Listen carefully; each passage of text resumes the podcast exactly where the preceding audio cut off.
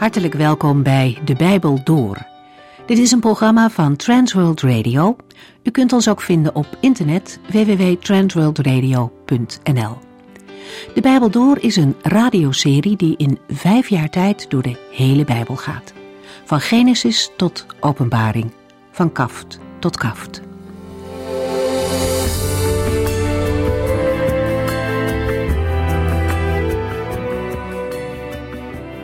De vorige keer maakte Corveda een begin met het tweede hoofdstuk uit de brief van Paulus aan de Efeziërs.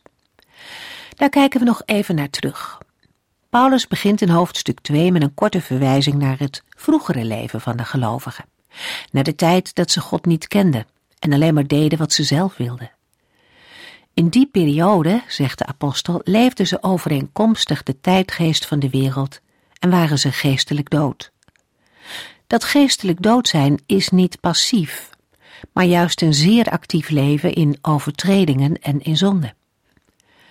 Zonde is een begrip dat verder gaat dan overtredingen. Bij overtredingen gaat het om concrete overtredingen van de wet. Bij zonde gaat het meer om opstand tegen God.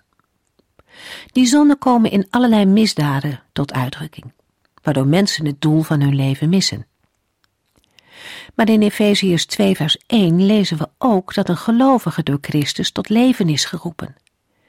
Christus heeft zichzelf in de plaats van een gelovige opgeofferd en hem of haar eens en voor altijd vrijgesproken van alle zonde en verzoend. In vers 2 wint Paulus er geen doekjes om waar de Efeziërs vroeger stonden. U gehoorzaamde de duivel, de leider en de vorst van de geestelijke machten in de lucht, die nu nog actief is in de mensen die God ongehoorzaam zijn.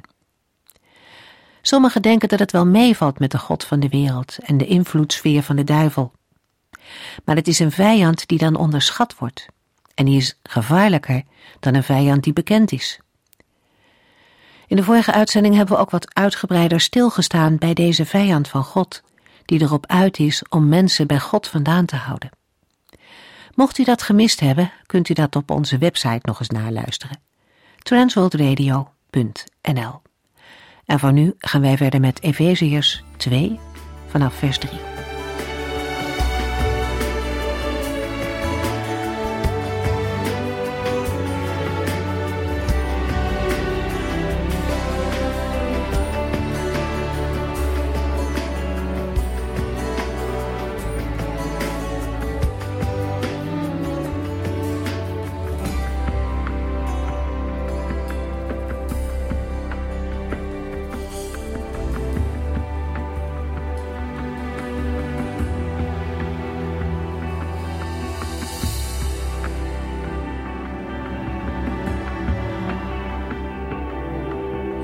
Uitzending hebben we gelezen dat Paulus bidt dat de gelovigen zullen beseffen hoe ontzaglijk groot de kracht van God is die in hen werkt. Gods grote kracht wekte Christus op uit de doden en gaf hem de belangrijkste plaats naast God de Vader. Nu is Christus hoog verheven boven alles waarvoor men respect heeft, niet alleen in deze wereld, maar ook in de wereld die komt. God heeft letterlijk alles aan Christus onderworpen en hem als hoofd aangesteld over alles, voor de gemeente. Niet alleen Christus heeft een opwekking ondergaan, maar ook de gelovigen. Tevoren waren zij dood in hun zonde, beheerst door Satan en de slechte dingen van deze wereld. Voor hun bekering leefden de gelovigen, net als Paulus en zijn medewerkers, naar hun eigen egoïstische begeerten van nature onderworpen aan de toorn en straf van God. In Johannes 3, vers 36 lezen we: Wie zich aan de zoon toevertrouwt, heeft eeuwig leven. Wie de zoon ongehoorzaam is, zal dat leven niet ontvangen. Integendeel, de straf van God blijft op hem rusten. Daarmee wordt bevestigd wat de Heer Jezus al eerder had gezegd in Johannes 3, vers 18. Wie zijn vertrouwen op Jezus stelt, wordt niet veroordeeld. Maar wie niet gelooft, is al veroordeeld, omdat hij geen vertrouwen heeft gehad in de naam van Gods enige zoon. Maar zo hoeft het voor een mens niet te gaan. We hebben in andere Bijbelboeken gelezen en gaan het nu ook in de brief aan de gelovigen in de stad Efeze lezen dat de Heere in zijn grote liefde zijn genade heeft bewezen door de gelovigen met Christus levend te maken en recht te geven op zijn hemelse erfenis. Want de gelovige in Christus is door genade gered. Hun geloof is een gave van God en voor alles wat zij in de naam van de Heere mogen doen, geeft de Heere de gave van de Heilige Geest. God heeft ons één gemaakt met Jezus Christus, met de bedoeling dat wij het goede zouden doen, want dat heeft Hij altijd al gewild. In deze uitzending gaat de apostel eerst verder op dat wat hij in de eerste twee versen van hoofdstuk 2 heeft gezegd. Paulus schrijft: U liep met de grote massa van deze wereld mee en deed dezelfde slechte dingen als zij. U gehoorzaamde de duivel, de leider en vorst van de geestelijke machten in de lucht, die nu nog actief is in de mensen die God ongehoorzaam zijn. In vers 3 bevestigt de apostel dat een mens die door Gods genade tot geloof is gekomen, van nature niet beter is dan andere mensen. Efeziërs 2, vers 3. Zo was het ook met ons.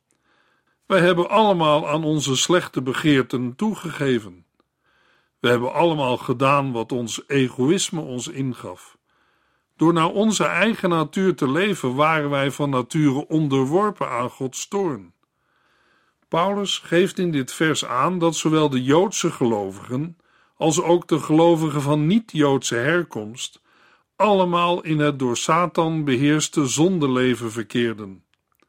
In Colossense 3, vers 5 tot en met 11 geeft Paulus een nadere toelichting op het door Satan beheerste zondeleven.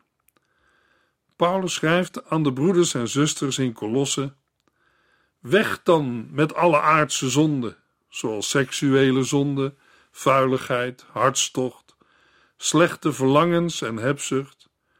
Door altijd maar meer te willen hebben, aanbidt u een afgod. God zal de mensen die deze dingen doen vreselijk straffen. Vroeger, voor uw bekering, deed u deze dingen ook. Maar nu mag er bij u geen sprake meer zijn van bitterheid, woede en boosaardigheid, van roddel en vuile taal. Lieg niet tegen elkaar. Dat hoorde bij uw oude leven, waarmee u hebt afgerekend. Maar nu bent u een nieuwe mens, die nog steeds groeit en God beter leert kennen. Zo zult u meer en meer gaan lijken op God, die u gemaakt heeft.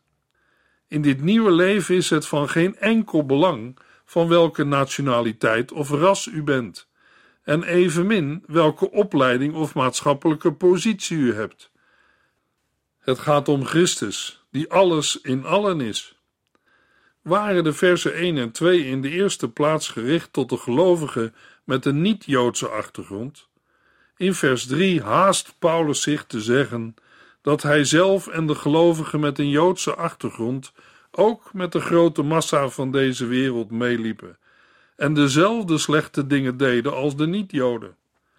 Ook zij waren van nature onderworpen aan Gods toorn. Het Griekse woord voor toorn geeft in het Nieuwe Testament uitsluitend een emotie van grote boosheid aan, een toestand van verbolgenheid. Dat is anders dan in het geval van een opwelling of uitbarsting van boosheid. In een aantal gevallen gaat het om boosheid van mensen, bijvoorbeeld in Jacobus 1, vers 19 en 20, waar gezegd wordt dat kwaadheid alleen maar dingen veroorzaakt die tegen Gods wil ingaan.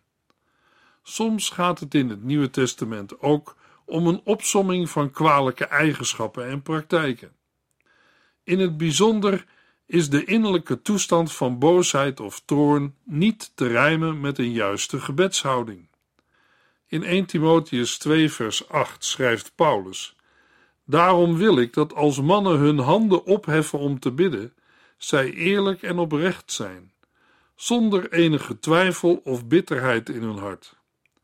Er kan wel sprake zijn van een heilige verontwaardiging en boosheid, bijvoorbeeld in Marcus 3, vers 5, waarover de heiland wordt gezegd: Jezus keek boos om zich heen, omdat zij zo hard en onverschillig waren, en het deed hem pijn.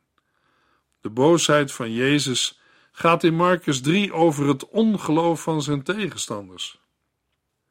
In Romeinen 13 komen we weer een andere vorm van gerechtvaardigde boosheid tegen, waarmee in de context de straf wordt bedoeld als gevolg van het doen van verkeerde dingen.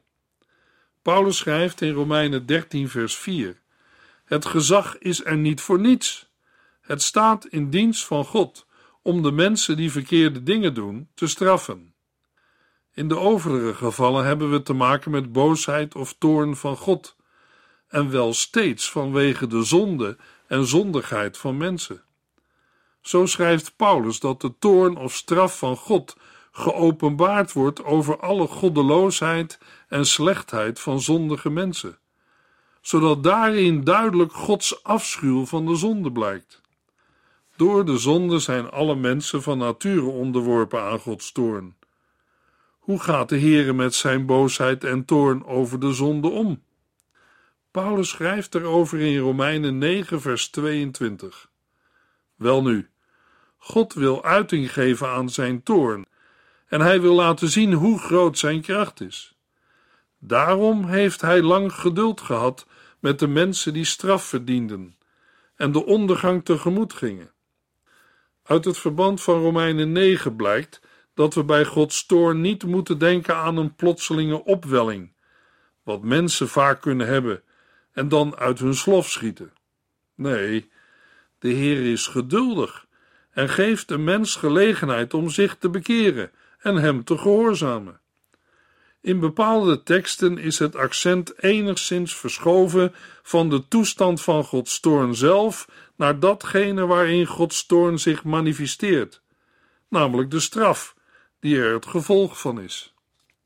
In het bijzonder gaat het om Gods boosheid of toorn, zoals die aan het einde van de tijden wordt geopenbaard. Voor een gelovige in Christus is er de verwachting van 1 Thessalonicense 1 vers 10. Zij mogen uitkijken naar de dag dat de Heer Jezus uit de hemel zal terugkomen. Hij is door God weer levend gemaakt en bevrijdt ons van Gods toekomstige oordeel. Gods toorn blijft op degene die ongehoorzaam is aan de Zoon van God.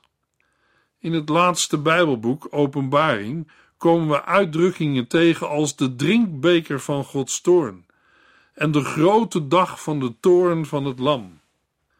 Luisteraar, deze woordstudie over toorn van God maakt duidelijk dat het vreselijk zal zijn voor een ongelovige om in de handen van de levende God te vallen. Wie ongehoorzaam blijft en zich niet bekeert, zal daarvan de consequenties moeten dragen. Maar vandaag is het nog genadetijd. Kom tot uw heiland, wacht er niet langer mee. Ga niet alleen door het leven. Paulus schrijft in Efeziërs 2, vers 3: Zo was het ook met ons. Wij hebben allemaal aan onze slechte begeerten toegegeven. De slechte begeerten, in andere vertalingen ook wel de begeerte van het vlees genoemd, bepaalde ook het leven van Paulus en de andere Joodse broeders en zusters. In Efeziërs 4 schrijft de apostel over de slechte begeerte aan de gelovigen: U hebt Christus leren kennen. In Christus leeft een nieuw mens anders. Efeziërs 4, vers 22. Als u werkelijk zijn stem hebt gehoord en hij u de waarheid over zichzelf heeft bekendgemaakt, moet u uw oude menselijke natuur als oude kleren uittrekken, uw vroegere manier van leven die te gronde gaat aan bedrieglijke begeerten. In Gelaten 5 geeft Paulus aan hoe gelovigen als nieuwe mensen kunnen leven. Gelaten 5 vers 16 en 17. Leef altijd in gehoorzaamheid aan de Heilige Geest. Dan zal de zonde geen kans krijgen zich uit te leven. Want de zondige neigingen gaan in tegen de verlangens van de Heilige Geest en omgekeerd. Deze twee krachten zijn altijd met elkaar in conflict. U moet dus niet doen wat u maar wilt. In Galaten 5 noemt Paulus een aantal slechte begeerten op. Als wij mensen in die spiegel kijken, is het direct duidelijk waarom wij mensen Gods redding in Christus nodig hebben. Wie wij ook zijn en hoe goed wij ook ons best doen, wij kunnen van nature niet aan Gods voorwaarden van heilig en volmaakt zijn voldoen. Kunt u of jij zeggen dat niets van het volgende rijtje in uw of jouw leven voorkomt? Gelaten 5, vers 19 tot en met 21. Overspel, ontucht, vuiligheid en losbandigheid, afgoderij en spiritisme, haat, ruzie, nijd, drift, rivaliteit, oneenigheid, sectarisme, jaloezie, dronkenschap, onmatigheid en meer van dergelijke dingen.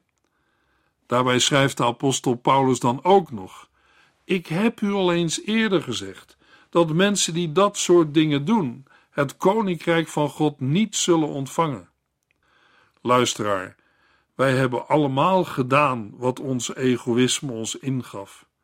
Door naar onze eigen natuur te leven, is een mens van nature onderworpen aan Gods toorn.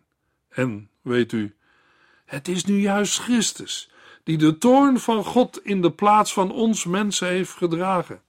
Hij heeft onze zonden aan het kruis verzoend en op grond daarvan kan God zijn vergeving schenken.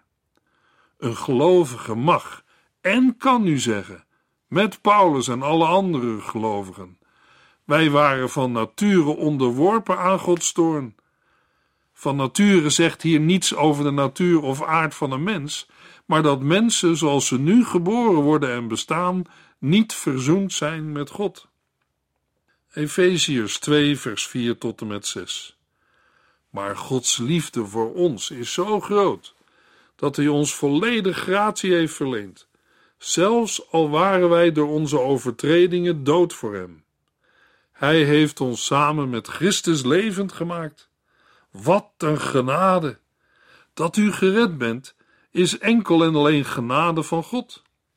Hij heeft ons, die één met Jezus Christus zijn, samen met Hem levend gemaakt en ook met Hem een plaats in de hemel gegeven. Tegen de achtergrond dat alle mensen van nature onderworpen zijn aan Gods toorn, wordt Gods grote liefde en barmhartigheid gesteld. Paulus duidt de periode van het onderworpen zijn aan Gods toorn aan met de woorden: Ik heb vroeger de naam van Christus bespot. Ik heb zijn gemeente vervolgd en deze kwaad gedaan zoveel ik kon. Maar God heeft zich over mij ontfermd, omdat ik niet wist wat ik deed. Ik kende Christus toen nog niet. Luisteraar, kent u de Heer Jezus Christus? Gods liefde voor u is zo groot dat Hij u volledig gratie wil verlenen, zelfs al bent u door uw zonde en overtredingen dood voor Hem. Denk aan de spiegel met de slechte begeerten uit Gelaten 5. En lees Jacobus 4, vers 1 tot en met 4 over bidden. Gods liefde voor u is zo groot dat Hij er zijn eigen zoon voor heeft opgeofferd. De Heer is barmhartig en genadig, geduldig, groot in goedheid en trouw, die zijn goedheid aan duizenden betoont, die ongerechtigheid, overtredingen en zonde vergeeft. Barmhartigheid is een wezenseigenschap van de Heere. God toonde zijn barmhartigheid door middel van de grote liefde waarmee hij ons heeft liefgehad. In de Griekse tekst staat een vorm van het werkwoord liefhebben. De Heere heeft liefgehad, die wijst op een eenmalige daad van God in het verleden. Gods liefde dateert al van voordat hij de wereld maakte, maar kreeg in het bijzonder gestalte in de komst van de Heer Jezus Christus naar deze wereld, en met name in zijn dood aan het kruis. Mensen zeggen vaak: Ik zie niets van Gods grote liefde. Helaas is het vaak zo dat de mens niets ziet, omdat hij of zij de verkeerde kant op kijken.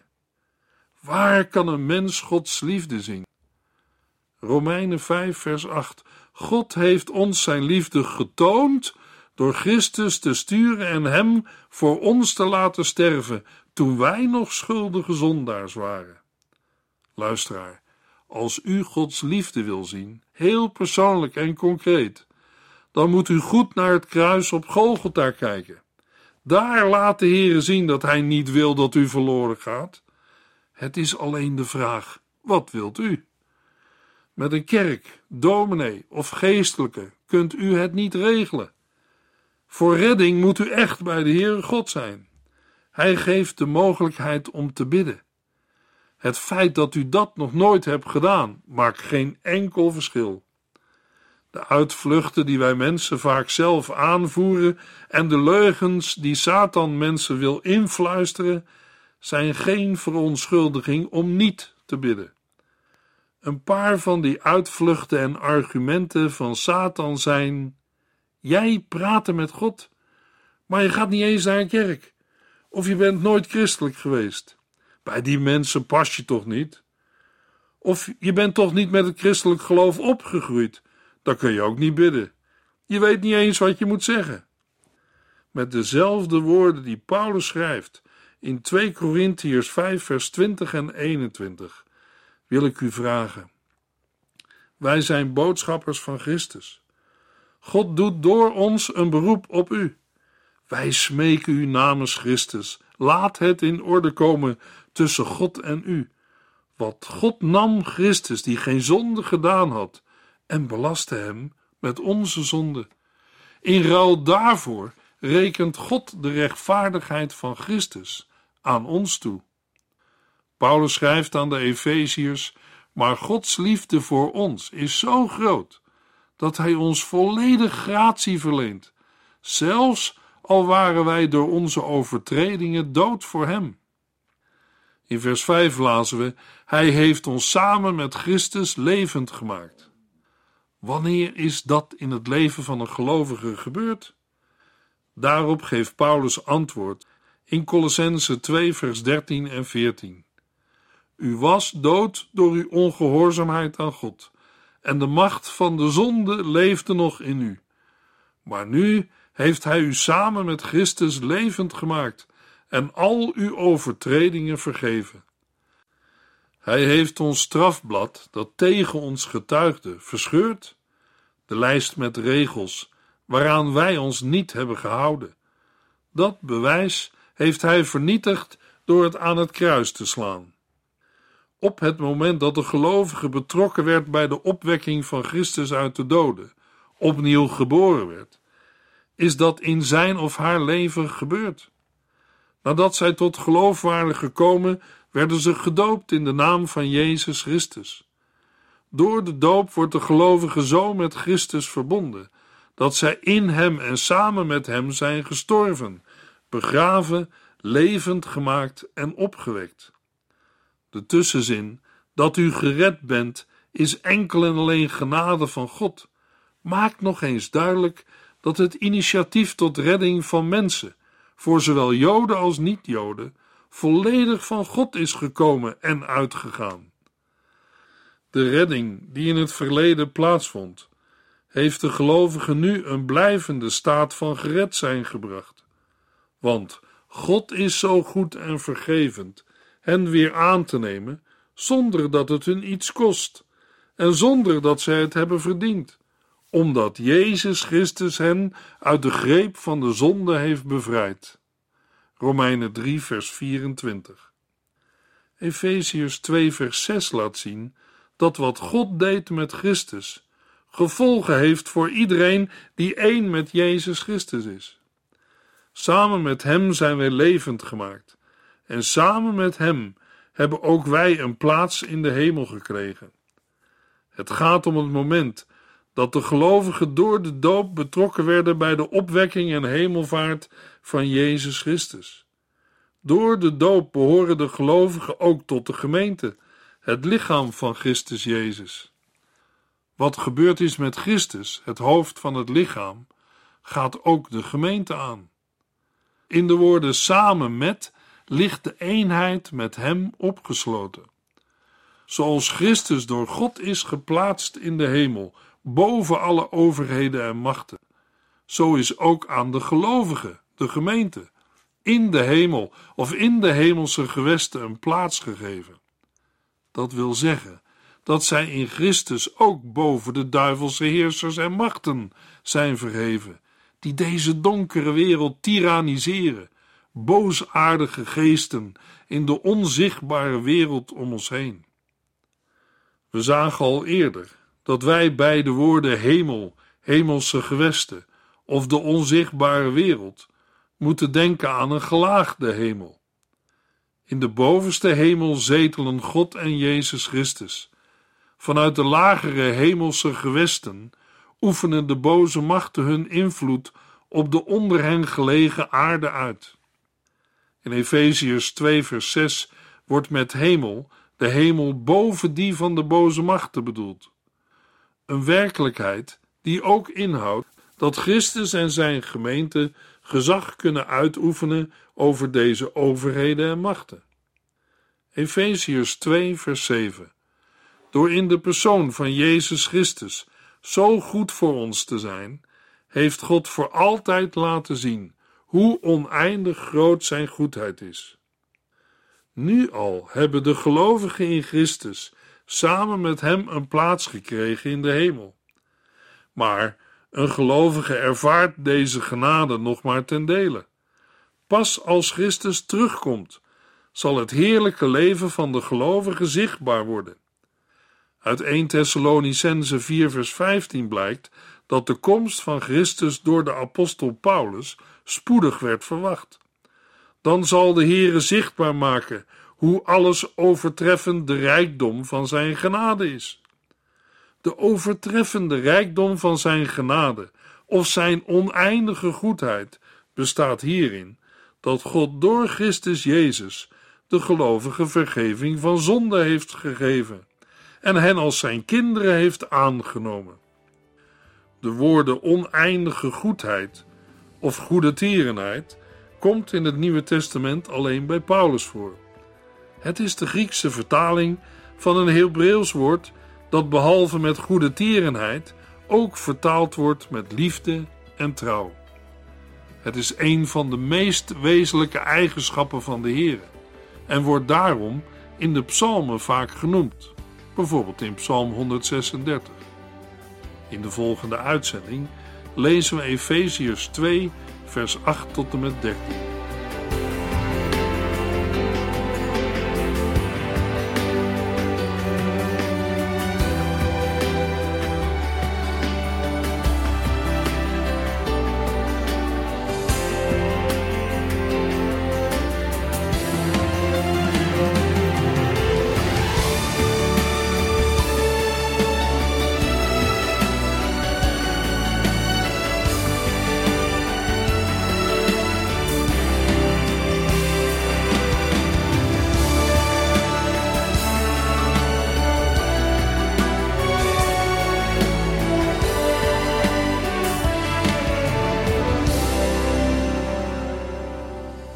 Eindigt deze aflevering van De Bijbel Door. Een serie programma's van Transworld Radio. Wilt u ons iets vragen of meer weten? Dan kunt u altijd contact met ons opnemen. Bellen kan overdag met 0342 478432. Per post Transworld Radio. Postbus 371. Postcode 3770. Anton Johannes in Barneveld. En e-mailen kan ook.